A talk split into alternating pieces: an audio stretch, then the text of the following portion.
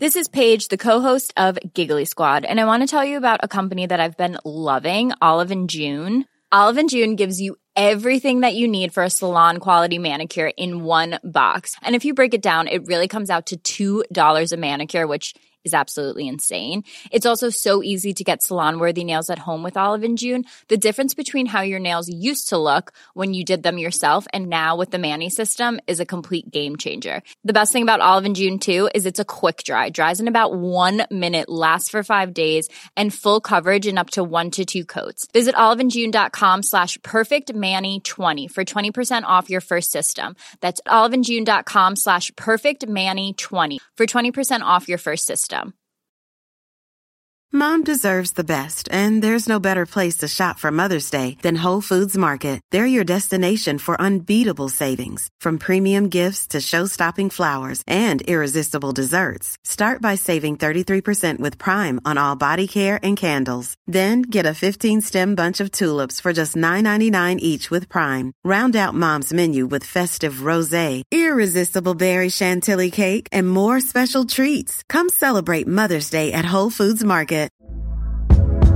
Hey there, it's Michelle Norris. I'm host of a podcast called Your Mama's Kitchen. When I travel, I'm usually looking for a way to find a taste of home when I'm not at home. And one of the things I love to do when I am at home is entertain. And Airbnb allows me to do that. When I was in California recently, I rented a house that had a great kitchen. And when we were sitting around the table, we're all thinking, we're in someone else's house. Someone could be in all of our homes as well. If you have a home, but you're not always at home, you have an Airbnb. Your home might be worth more than you think. Find out how much at airbnb.com/slash host.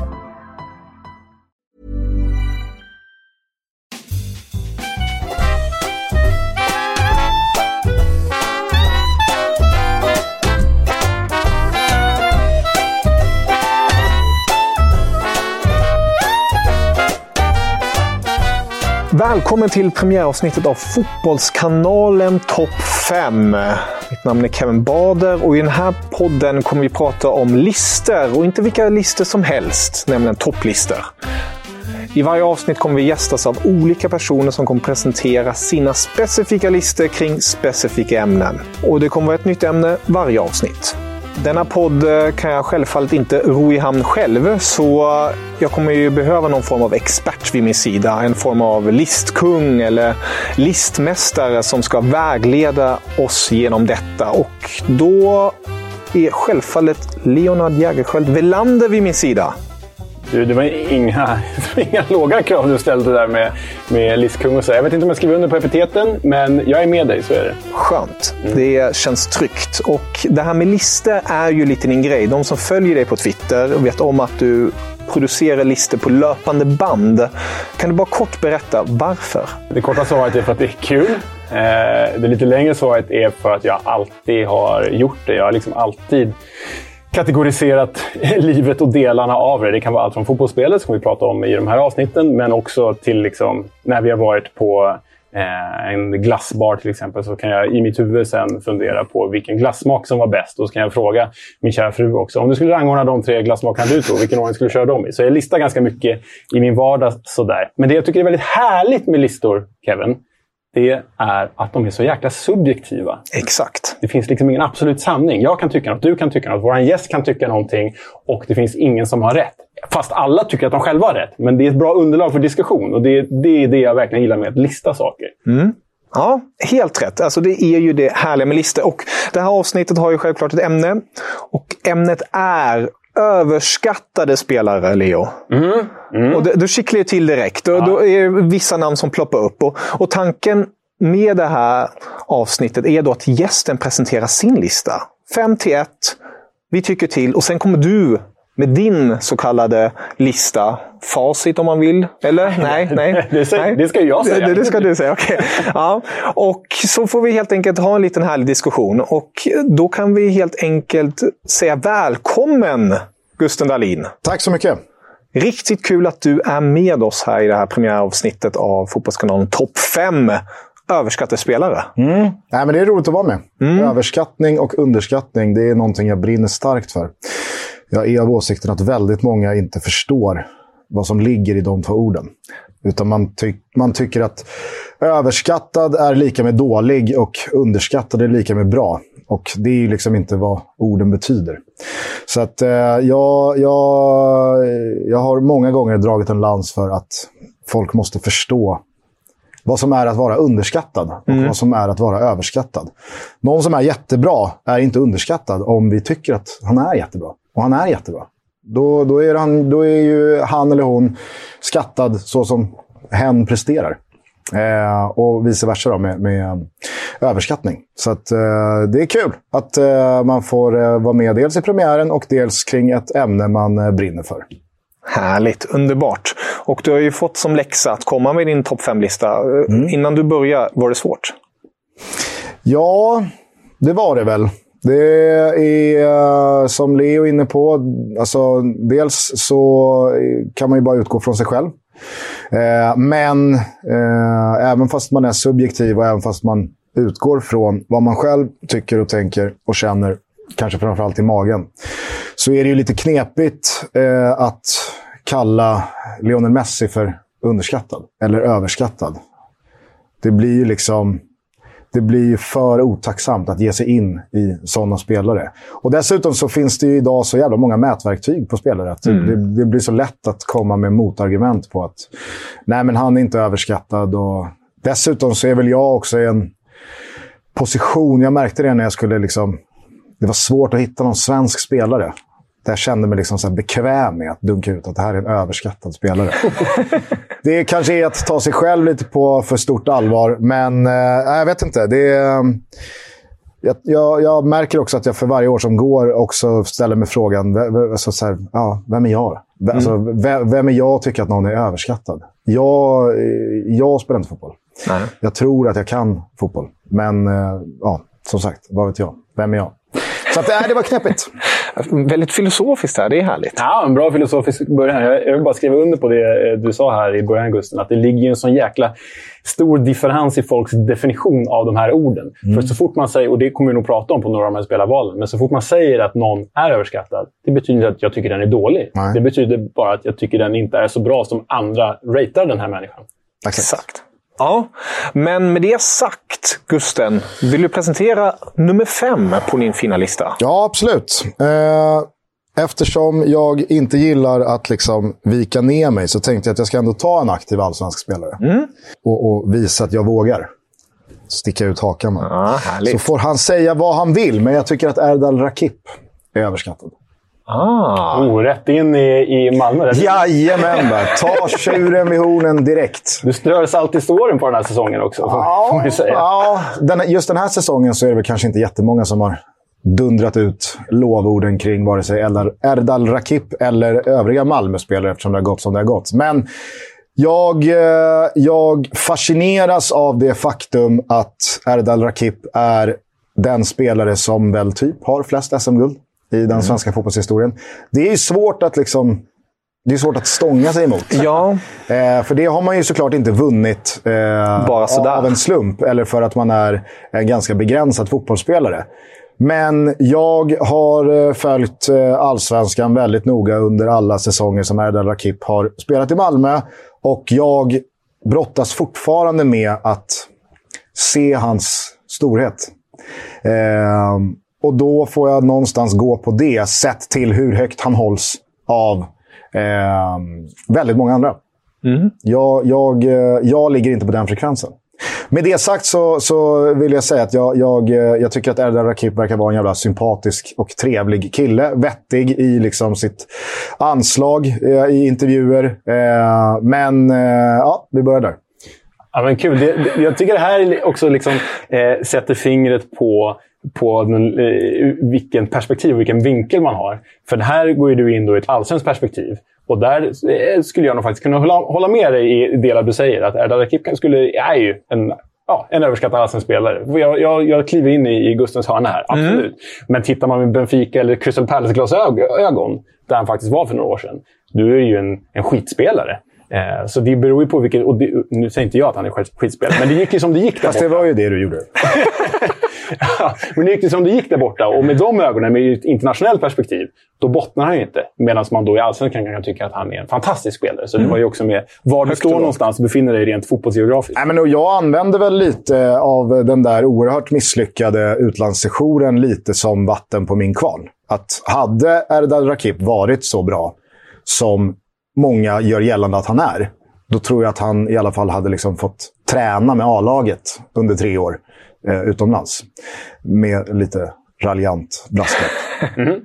Ja, starta stort och härligt, allsvenskt hittar vi... Jag vet att jag kommer få äta upp det här. det är det som är problemet. Ja, det är därför vi gör den här podden. Ja, men det, det är, folk ska tycka till och få tycka vad de vill, helt enkelt. Det är det som är så fantastiskt med fotbollen. Eh, och som du var inne på tidigare, vad, vad, vad har vi att tycka egentligen? Men vi älskar fotbollen och då får man tycka. Gusten, nummer fyra på din fina lista. Eh, nummer fyra, eh, då tänkte jag att eh, många som eh, vet vem jag är och följer mig vet att jag håller på Roma. Mm. Eh, så då tänkte jag att eh, jag skulle också ta med en spelare från dagens Roma. För att visa att jag liksom inte är enögd och bara liksom älskar eh, alla spelare i Roma och tycker de är jätteduktiga. Jag ville till en början säga Nicolo Sagnolo. Jag tycker att han är ganska överskattad sett till vad han faktiskt presterar på planen. Men jag led him slide för att det är inte lätt med två jobbiga långtidsskador i knät. Och att dessutom eh, slå igenom som en typ av spelare i ett typ av lag för att sen komma tillbaka till och så ska man fighta som både speltid och rampljus, men kanske framförallt positioner och eh, bollar med Paolo Dybala, med Tammy Abraham, eh, med nyförvärv som eh, Belotti och så vidare. och Så vidare. Så att jag, eh, jag, jag, jag kan ändå liksom köpa att Sagnolo sliter lite. Eh, så därför så får det bli eh, Brian Cristante. Det är en överskattad jävel. Ja. För hur han, eh, hur han eh, halvår efter halvår fortsätter vara en del av eh, Italiens landslag. Som förvisso kanske inte spelar något VM, men de är regerande Europamästare. Eh, och nu var väl inte han någon bärande spelare mm. i, i, det guldet, men eh, att han ändå är där och att det ändå liksom alltid pratas om honom som en eh, gjuten del eh, av det där mittfältet framöver. Eh, och att han eh, är, är, så oerhört uppskattad och självklar i ett Roma som ja, men vinner Europacup-bucklor och eh, ska ge sig in i Champions League här. Det, jag, jag förstår inte det. Jag, jag, tycker att han är så begränsad. Eh, jag minns ju honom personligen väldigt mycket från FM-tiden, när man eh, spelade mycket fotbollmanager när han var yngre, den här talangen. Och då, det känns ju som att det här klassiska facket, att på något sätt en talang, lite som det är inne med Saniola, att man, man har den här potentialen och tittar på det och sen fastnar i det. Att det blir då den den omvända, alltså att man har den bilden av den spelaren. Uh, och Jag förstår ju din tanke där. Jag är väldigt, väldigt glad över att jag inte längre... Och, och, alltså, jag, jag är ju en gammal Championship Manager-spelare. Mm. Jag, det, det är 20 år sedan. Ja. Men jag är väldigt glad över att jag inte tillhör den, vad jag tror, alldeles för stora utbredda massan som som du är inne på, men definierar sitt sätt att se på fotboll utifrån FM. Yes. Jag, jag eh, tror säkert att FM är väldigt, väldigt duktiga på att ratea spelare. Eh, men jag, jag kan ibland tycka att det blir lite väl skevt att så många har en förutfattad mening eller bedömer spelare på hur de går i sina FM-saves. Mm. Det, det känns eh, direkt oseriöst. Du, jag förstår vad du menar. Det blir ju lätt att man får en författad bild. Till exempel den klassiska var ju Lukaku, som alla FM-spelare älskade långt innan den breda massan ens fick ögonen upp för honom. Han, han har ju lyckats på sitt sätt. Men jag förstår vad du menar. Man har ju inte samma inblick. Jag kan inte säga att jag har följt Kristantes karriär steg för steg. Ja, men Kristantes roll, han har en ganska otacksam roll. Det får man, det får man mm. igenom i, i, i Roma. Och liksom han har den här bärande rollen i Roma och i italienska landslaget. Han var i Udinese tidigare. Så här. Men, men det är också... Så här, jag ska inte gå i strid för Cristante och säga att han är överskattad eller underskattad. Det är så här, ja, fine. Jag, eh, det är en ganska begränsad fotbollsspelare utan den typ swag som Daniele De Rossi hade. Alltså, ta inte ens Daniele De Rossis namn i munnen i samma mening som Cristante. Mom deserves the best, and there's no better place to shop for Mother's Day than Whole Foods Market. They're your destination for unbeatable savings, from premium gifts to show-stopping flowers and irresistible desserts. Start by saving 33% with Prime on all body care and candles. Then get a 15-stem bunch of tulips for just $9.99 each with Prime. Round out Mom's menu with festive rosé, irresistible berry chantilly cake, and more special treats. Come celebrate Mother's Day at Whole Foods Market. Hey there, it's Michelle Norris. I'm host of a podcast called Your Mama's Kitchen. When I travel, I'm usually looking for a way to find a taste of home when I'm not at home. And one of the things I love to do when I am at home is entertain. And Airbnb allows me to do that. When I was in California recently, I rented a house that had a great kitchen. And when we were sitting around the table, we're all thinking, we're in someone else's house. Someone could be in all of our homes as well. If you have a home, but you're not always at home, you have an Airbnb. Your home might be worth more than you think. Find out how much at airbnb.com slash host.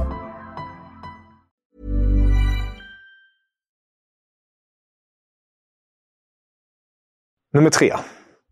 Nummer tre. Oj, oj, oj. Nu är det bronsplatsen alltså. Ja, nu, nu börjar medaljerna delas ut. Eh, då hittar vi Sylvain Viltor. Oj, oj, oj, oj, oj. Det, var, det var ett tag sedan. Ja. Det var jäkla länge sedan. Okej. Nej, men eh, han var ju liksom eh, kanske inte den första eh, som... Eh, vad heter han? Jacquet. Franska, förbundska- franska förbundskaptenen runt millennieskiftet där. Plitade ner i sin startelva. Absolut inte. Men det här var ju en anfallare som ja, men, eh, figurerade där runt eh, Trezeguet och Thierry Henry. Eh, och sen så kom väl Anelka och knackade på dörren och så vidare. Men han var ju med. Han var ju en del av anfallsbesättningen i det franska landslag som, om inte var bäst i världen, eh, så i alla fall ett av de tre bästa lagen, landslagen i världen. Eh, parallellt med det så hamnar han i Arsenal som där och då var ett av de absolut bästa lagen i världen.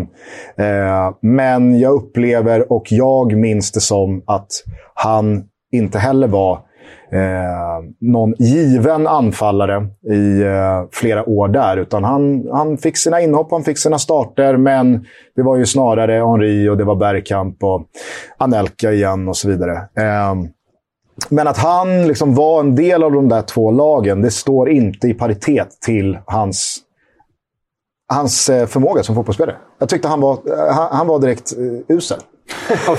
Hårda ord. jag, har ju, jag har ju en inom citationstecken nära relation till Viltor. Jag håller ju på Lyon, som i alla fall ni två vet. Och, Klappkast där också. och det var det jag skulle komma till. När han kom tillbaka till Frankrike så kom han ju till Lyon och skulle liksom spela... Då kommer han ju med den här ryggsäcken också. Med den här ryggsäcken. Här kommer det liksom... Stor värvning på pappret. Såg ju bra ut. Man, det kittlade ju många som Lyon-supporter. Ska han spela till höger i någon slags tremananfall. Och han gjorde ju aldrig mer än åtta mål per säsong. I ett dominant Lyon. Det är för dåligt. Ja. Det är för dåligt. Det, det är synd att det, det, jag håller med dig för mycket här Gusten, för tanken på att vi ska bråka lite och sådär. Men den här, den här är spot on. Ja. Sylvain Viltor är verkligen, ur ett Lyon-perspektiv, väldigt spot on. Och jag, alltså, min, min bild är att eh, så fort liksom Arsenal, eh, alltså från way back when, kring millennieskiftet och när man gick från liksom, Tony Adams Arsenal till mer liksom, det, det fransk-inspirerade Arsenal. De sammanflätades ju absolut.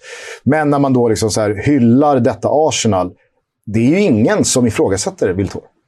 Han får liksom åka med på hur jävla bra de var. Och det har stört mig i 16-17 år.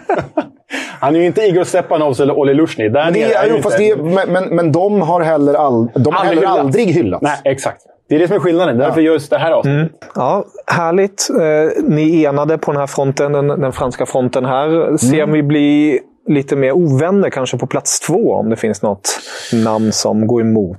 Ja, att jag landade kring eh, Raheem Sterling. För det, det tycker Det jag också är en spelare som...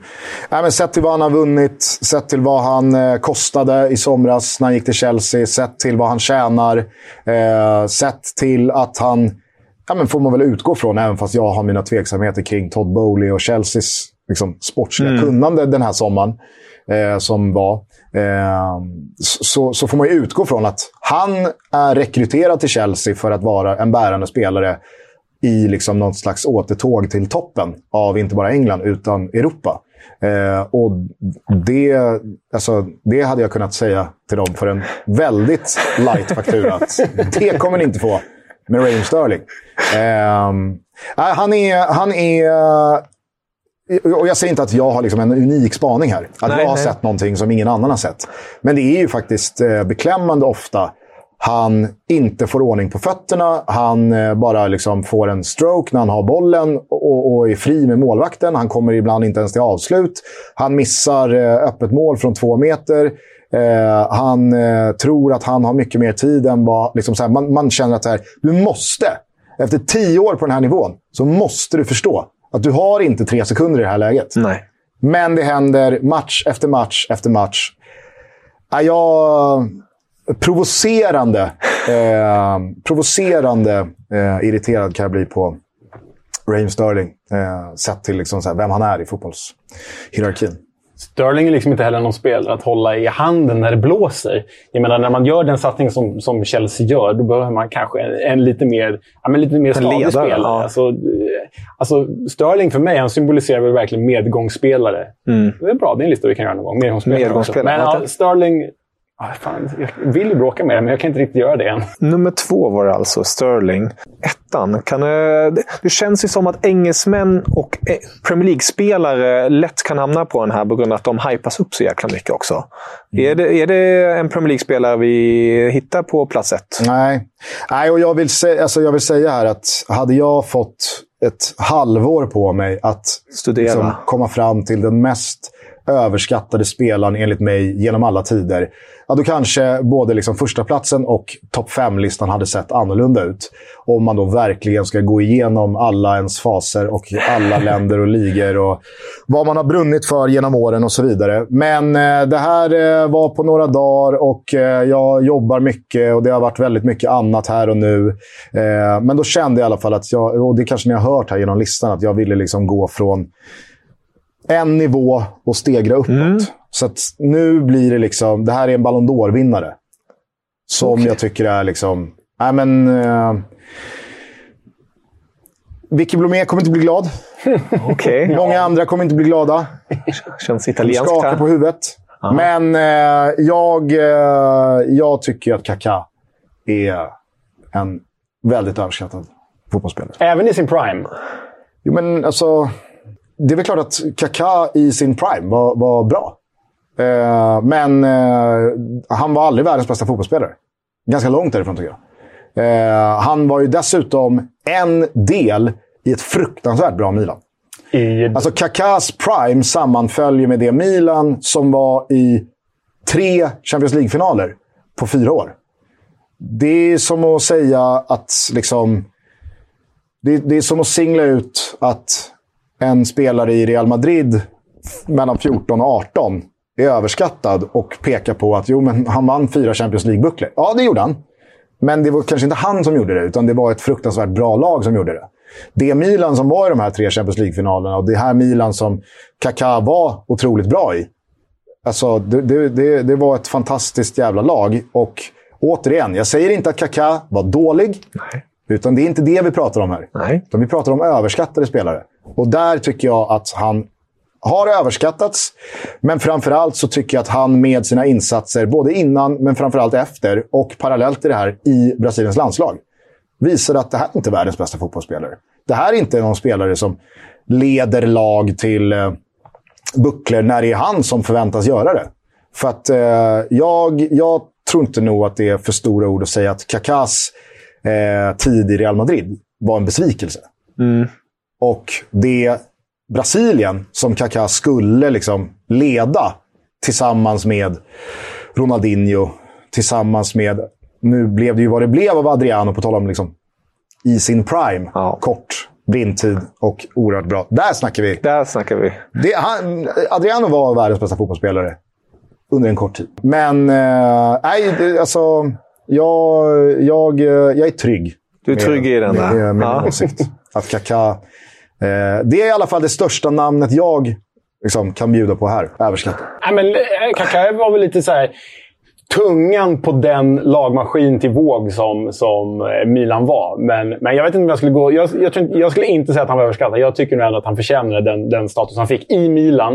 Eh, han fick alltså Ballon d'Or?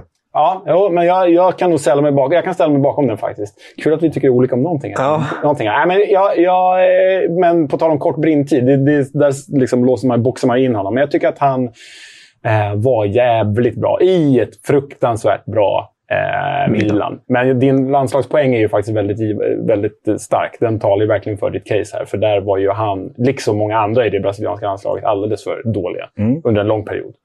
Och Real Madrid. Mm. Och Real Madrid. Men där, där, hade han, där började han ju liksom trilla neråt också. Jo, fast alltså, så här, jag köper den grejen kring brassar när det är typ Adriano. Man gillar flaskan, man gillar partyt, man gillar samban eh, och, och karnevalerna. Men alltså Kaká, det var ju en oerhört professionell, skötsam, renlevnadsreligiös fotbollsspelare som... Jag menar, det, det, det handlade inte om att han tappade något fokus eh, och, och, och, började liksom, dyka upp onykter till träningarna och åka hem till Brasilien och skada sig med flit. Utan det var ju en spelare som... Han gav ju allt. Ja, men verkligen. Jag, jag, jag köper dina argument, men jag, jag håller inte med stånd, ståndpunkten. Ändå. nej, nej det, det förstår jag. Ja. Eh, men eh, ja, jag... Kaká. Kaka. Överskattad liten jävel. ja, där fick ni höra då Gustens topp 5-lista. Ni får jättegärna tycka till om den. Men eh, innan vi stänger den här butiken ska vi också höra din lista, Leo. Mm. Och nu är så frågan, finns det samma namn eller inte? Eh, faktiskt inte. Fan vad tungt för Erdal ifall du också har med honom. jag, har faktiskt, jag, har inte, jag har inte varit modig nog att ta en allsvensk spelare. Jag ska säga efter allt annat jag har gjort. Nej, jag har faktiskt inte en enda samma. Ah. En bruttolista där det ingick lite samma namn här. Mm. Men uh, på topp fem har vi det är, en samma. Det är inte chockerande. Alltså, vi får välja mellan liksom, fotbollshistoriens alla spelare. Fem stycken var. Men ibland det finns det kategorier vart man verkligen hitta rätt. Ja, men, ja, det här är ju en bred spektra-kategori, det får man ändå säga. Det, det får man verkligen säga. Det får man verkligen. Jag är lite förvånad. Du kanske kom upp med det namnet. Ska jag säga det ändå? Alltså, jag tänkte på en spelare som Busquets. Som jag personligen tycker är överskattad. Jo, men det, ja. det, det, det är kanske anledningen till att det aldrig liksom riktigt lyfter för dig Nej. i den här branschen. Nej. Med det ögat. kanske det. Sergio Busquets är otrolig. Ja, alltså, jag, återigen, han är grym. Men jag tycker att man snackar så jäkla mycket om honom. Att det, att det har kommit till en viss nivå vart jag tycker på något sätt... Nej, jag vet alltså, inte. Min syn på Busquets, om vi ska fastna där lite, är att han nämns ju som en av modern tids absolut bästa defensiva mittfältare. Och i mina ögon, vem fan är jag som sagt, men i mina ögon är Busquets väldigt bra.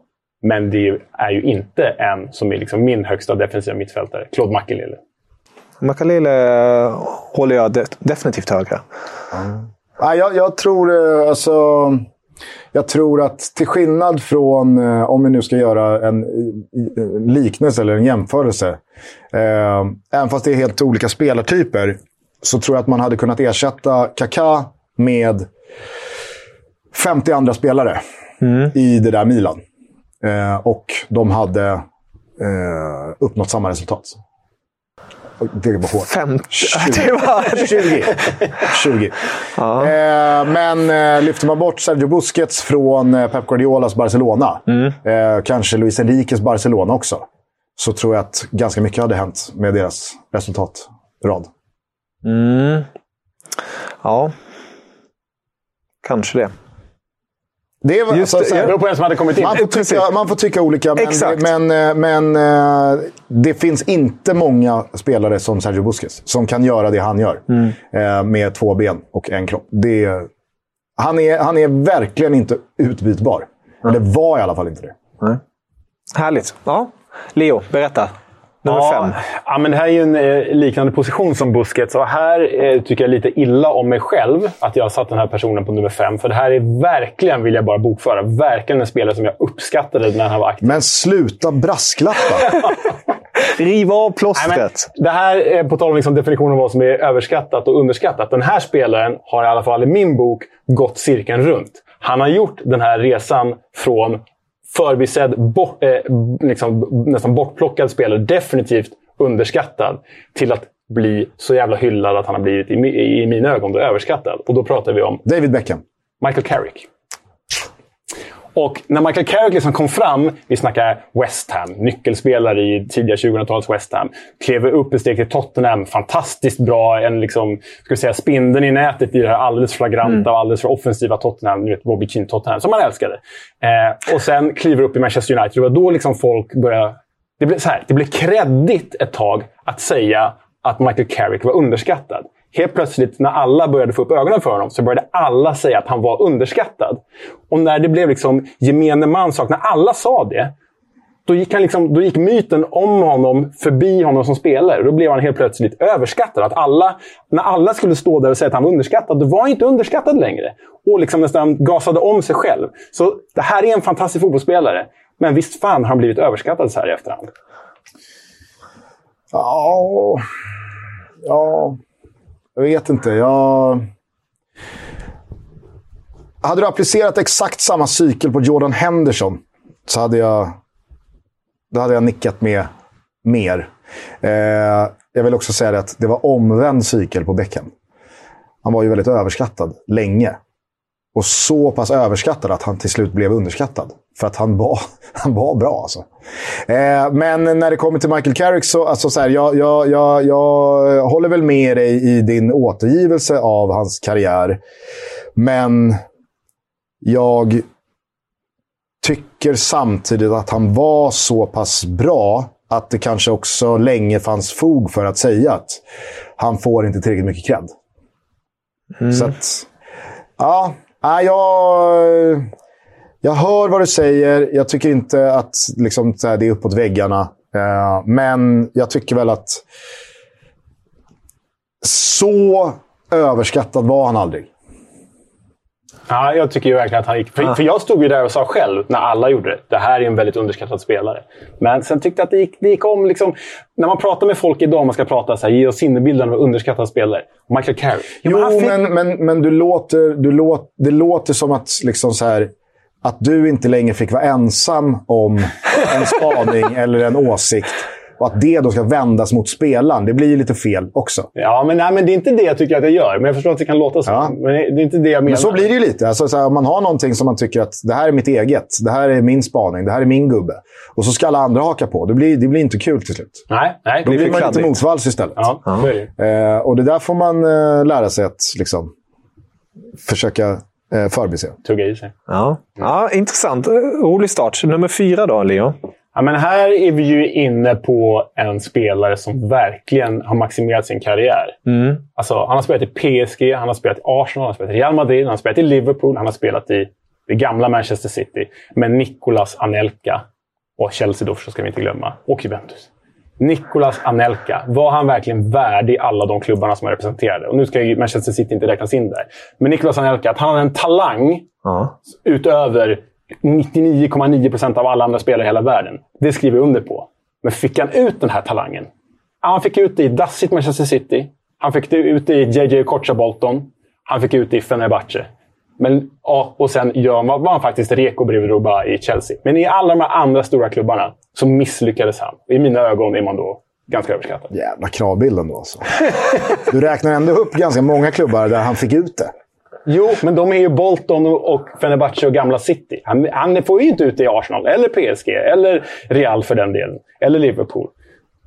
Så adresserna rimmar, alltså klubbadresserna rimmar inte med hans prestationer. Men jag kan förstå, liksom Balotelli i modern tid, att de här klubbarna och sportcheferna och tränarna har sett så här. Här finns det så enormt otappad potential. Vi kan, vi kan leda honom rätt. Jag förstår det. Men jag tycker inte att någon lyckades med riktigt på den högsta nivån, förutom i Chelsea. Men, ja, Nej, alltså jag, jag är av en annan åsikt kring eh, Anelka. Jag tycker att det finns ju vissa spelare som blir lite så här larger than life-spelare som snarare bjuder på minnesvärda ögonblick.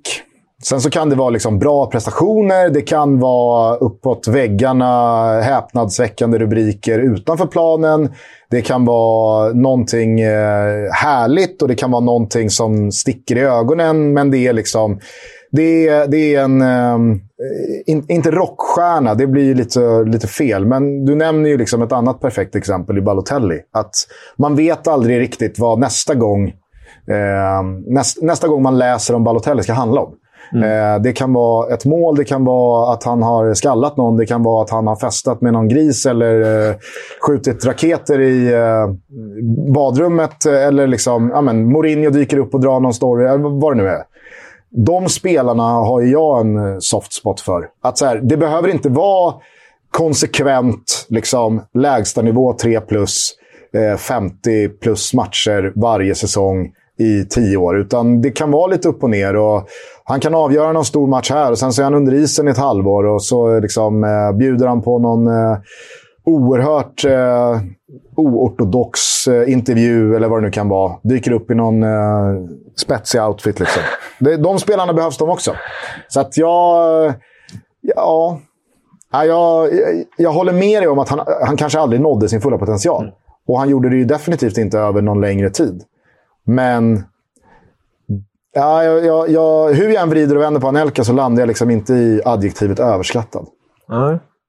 Kanske passar bättre in i kategorin maximerat sin karriär, lite som vi har varit inne på tidigare. Ja, det, det, gjorde han ju verkligen. Ja. Men, eh, men eh, det är också den här definitionen, vem är det som överskattar? Det kanske inte är jättemånga supportrar som har liksom tyckt att han var bäst i världen. Här ja. är det snarare klubbarna som, som jag vänder mig emot. Bara, mm. liksom, sluta värva honom! Ja. Låt Bolton, låt han stanna i Bolton. Det är där han ska vara. Liksom. Mm. Det är där han är bra. Sen, men han vill inte vara i Bolton. Nej, nej, det, vill, alltså, nej, nej. det är tydligt. Det, nej. Ge oss bromsmedaljen från mm. ditt håll. Alltså jag funderade ett tag på att sätta den här killen etta. Augusten har redan nämnt honom. Mm. Jordan Henderson. Ah, ja. ah. Och här, här, får man ju sekten efter sig. Det vet man ju. Den så kallade Liverpool-sekten. Men den, de insatser som Jordan Henderson gjort nu på sistone. Mm. Det är inget snack om att det har varit de minst bra, eller de sämsta i hans Liverpool-karriär. Och det är för först nu liksom Liverpool-supportrarna, de relativt högljudda sådana, börjar inse det själva. Men Jordan Henderson har ju varit så extremt glorifierad i det här nya Liverpool. Alltså, missförstå mig rätt. Härlig karaktär, fantastisk. Han är ju liksom Sunderland born and bred. Står fortfarande i Sunderland-klacken. Det är underbart. Står på The Cot när han är avstängd i Liverpool. Det, det, är, ju, alltså, det, är en lätt, det är en spelare och karaktär som är lätt att älska. Men som spelare på fotbollsplanen, ohyggligt begränsad. Och nu kommer jag få många efter mig, men det är ju liksom en engelsk Daniel Andersson vi pratar om här. Han är inte den spelare som har burit Liverpools framgångar på sina axlar. Han kan vara den ledare som de har behövt. Han är absolut inte den spelare som de har hyllat honom för att vara. Ja, nej, det är, det är, det är knepigt med Jordan Henderson. För att jag, jag, som jag sa där kring Michael Carrick-snacket, eh, så var ju det en spelare som länge pratades om som underskattad. Och så pass mycket att han till slut blev liksom överskattad när man då liksom skulle lyfta honom till skyarna. Så det, det, det köper jag in mig på. Jag tycker inte heller att Jordan Henderson har hållit liksom, en, eh, en bärande del i ett Champions League-vinnande Liverpool-nivå. Liksom, eh, speciellt länge. Eh, jag alltid också, jag läste i Sir Alex Fergusons självbiografi för massa år sedan att de passade på Jordan Henderson till United. För att Sir Alex Ferguson tyckte att han sprang lustigt. eh, och det där har liksom alltid, det har alltid präglat min bild av Jordan Henderson. Att, han, att Sir Alex liksom dissade honom för hur han sprang. Eh, det har ju något.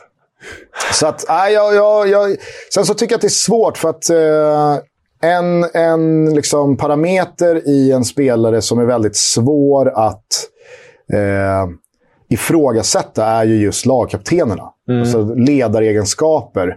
Eh, och jag, jag har ingen aning om hur mycket eh, det stämmer liksom, i det faktum att han verkligen är det där lagets ledare och att han har eh, lett eh, genom eh, att liksom gå först i leden och hur han har eh, påverkat och tagit hand om nyförvärv och yngre spelare. Och det där är ju liksom delar som är jag vet inte, jag, jag, jag, jag, tror nog att han har liksom varit eh, viktigare och bättre för Liverpool än vad kanske Leo och många andra. För herregud, det här är ingen, liksom, det är ingen eh, kaka, det är ingen, det är ingen kakahaka som sticks ut här. eh. Men eh, ja, det, det, just den delen i spelare är ju liksom... De, de, de, där tycker jag att det är knepigt att liksom så här, tycka att någon är underskattad eller överskattad. Och han har ju varit lagkapten i detta, liksom, Klopp-Liverpool, i många år nu. Så att, eh, Precis. Mm, svårt. Lite andra dimensioner att tänka på det. Ja. Slutspurt nu då. Plats två. Ja, jag tror det finns ju en risk att du kommer liksom armbåga mig i ansiktet. Givet dina Okej. Tysklandssympatier. Okej, får vi se nu. Men eh, här drar jag till med Miroslav Klose. Överskatt. Ja. Och jag vet att det här är VM-historiens bästa, mesta målskytt genom tiderna. Det här är också tyska landslagets mesta målskytt genom tiderna. Och det är, det kan jag inte diskutera emot. Det är vad det är. Det är fantastiska siffror. Men man kan inte bara bedöma en spelare på hans landslagsgärning. Och tittar vi på Miroslav Kloses klubblag så är det fan inte så jävla bra. Alltså han gör, när han slår igenom gör han fyra säsonger i Kaiserslautern. Och det här var ett bra Kaiserslautern. Han hade precis vunnit Bundesliga liksom, vid millennieskiftet. Det var ett bra Kaiserslautern. Då gör han inte mer än eh, tio mål, eh, över tio mål en säsong av fyra. Som en ordinarie anfallare i ett topplag i Bundesliga. Och Klose, ska vi ha med oss här, det var ju, han var en målskytt. Det var det han skulle göra. Han var ju en Inzaghi-figur. Liksom. Han skulle göra mål. Sen har vi då Werder Bremen. Där går det bra. Där gör han ju 15 och 20 mål, 25 mål en säsong. Där går det jävligt bra. Där också. Nej, men där går det jävligt bra. Men lyckas aldrig skjuta Bremen till den ligatitel som han faktiskt värvar till att, att eh, ta dem till. Bayern München tänker man ju tillbaka så här, fan vad bra han var i Bayern München. Nej, han gjorde 10 mål som mest på fyra säsonger i Bayern München. 10 mål, 10 mål, 3 mål, 1 mål på fyra säsonger. Det är, ja, men det är ovärdigt en anfallare i Bayern München. Och visst, han fick lida lite av att det var ett klinsmann Bayern men sen spelade han ändå i Bayern som vann två ligatitlar. Lite revansch i Lazio där han faktiskt går och blir en ganska poppig ikon. Men inte så mycket mål där heller. Han gör 15 mål som bättre en säsong. Så jag, jag tycker det är en bra spelare, absolut. Och i, när han fått spela med idel världsklasspelare runt sig i kanske det bästa Tyskland som någonsin har funnits. Ja, då, då gör man så mycket mål som han gör under så lång tid som han spelade. Men om man bedömer på hela hans karriär, då tycker jag absolut att han är en överskattad spelare. Alltså, Ja, jag, kan, jag kan faktiskt inte göra annat än att hålla med. Det är, det är riktigt, riktigt bra att singla ut Miroslav Klose här. Vi ska också komma ihåg att i det där målrekordet eh, i VM-historien så gör han en match mot det sämsta lag jag har sett, tror jag i alla fall, eh, i ett VM-slutspel. Saudiarabien 02. Eh, så att... Eh, nej, jag, jag, jag, vill, eh, jag vill föra till protokollet att jag tyckte han var mer än bara en målskytt i Lazio. Jag tyckte han var bra eh, i, liksom, i spelet. Han tillförde en tyngd och en erfarenhet och en, ja, men en, en, en, en power i Lazios offensiv som inte, alltså, som, som inte innebar några 45 mål, men som var jävligt slagkraftig ändå. Men eh, jag, eh, jag, jag kände samma sak under hans tid i Bayern München. Att det här, varför kommer inte målen? Eh, och det, är, det är ju så att vi, vi, vi, ska, vi ska komma ihåg vad vi sa i början här. Att säga att någon är överskattad är inte att säga att någon är dålig. Nej.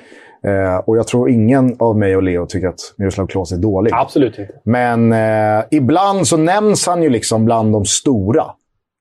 Och där är han inte. Det är liksom, Just Fontaine ligger väl också högt upp i eh, den historiska VM-skytteligan. Alltså så här, vem var det? det, är liksom, det är inte equals one of the great. Nej. Nej, jag, jag hör er. Jag hör er och eh, det, det, det svider och det gör ont för mitt fina tyska hjärta när jag, när jag hör en sådan ikon eh, kategoriseras inom den här kategorin. Eh, och jag förstår ju din argumentation just med målproduktionen, speciellt i Bayern München. Då. Men att, men att han kommer upp på en överskattad... Jag kan förstå överskattad lista när vi snackar en längre lista. Men att han är på, på din andra plats. Ja, men han, tack, tack vare hans fenomenala målproduktion Mm. i landslaget, där han verkligen hade silverfat, för att Mm. också säga, så nämns han ju väldigt ofta bland de, bland de stora. Min kusin bor i Berlin, i Tyskland. Och han är ju så här, de pratar, alltså förlåt, i Nej. Tyskland pratar Ja. man Klose som liksom den, bäst, den bästa. Nej! Så bra, han var bra, men inte så bra. Ja. Det är liksom Tysklands Emil Heskey. Du tycker, tycker att är hård. Snälla! hård. Snälla! Nej, det var Alltså, en stretch kanske. Nej, fy fan. Nej, men alltså...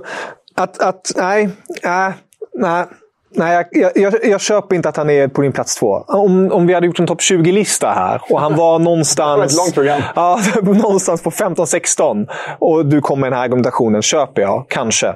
Men inte... Nej. För att han, han är heller inte den här spelaren. Han var inte Ballon d'Or, han var inte på det ramp... Alltså, nej, jag vet inte. Jag, jag, jag, kan inte riktigt ta in Men det. vad, Lite... vad menar du med det?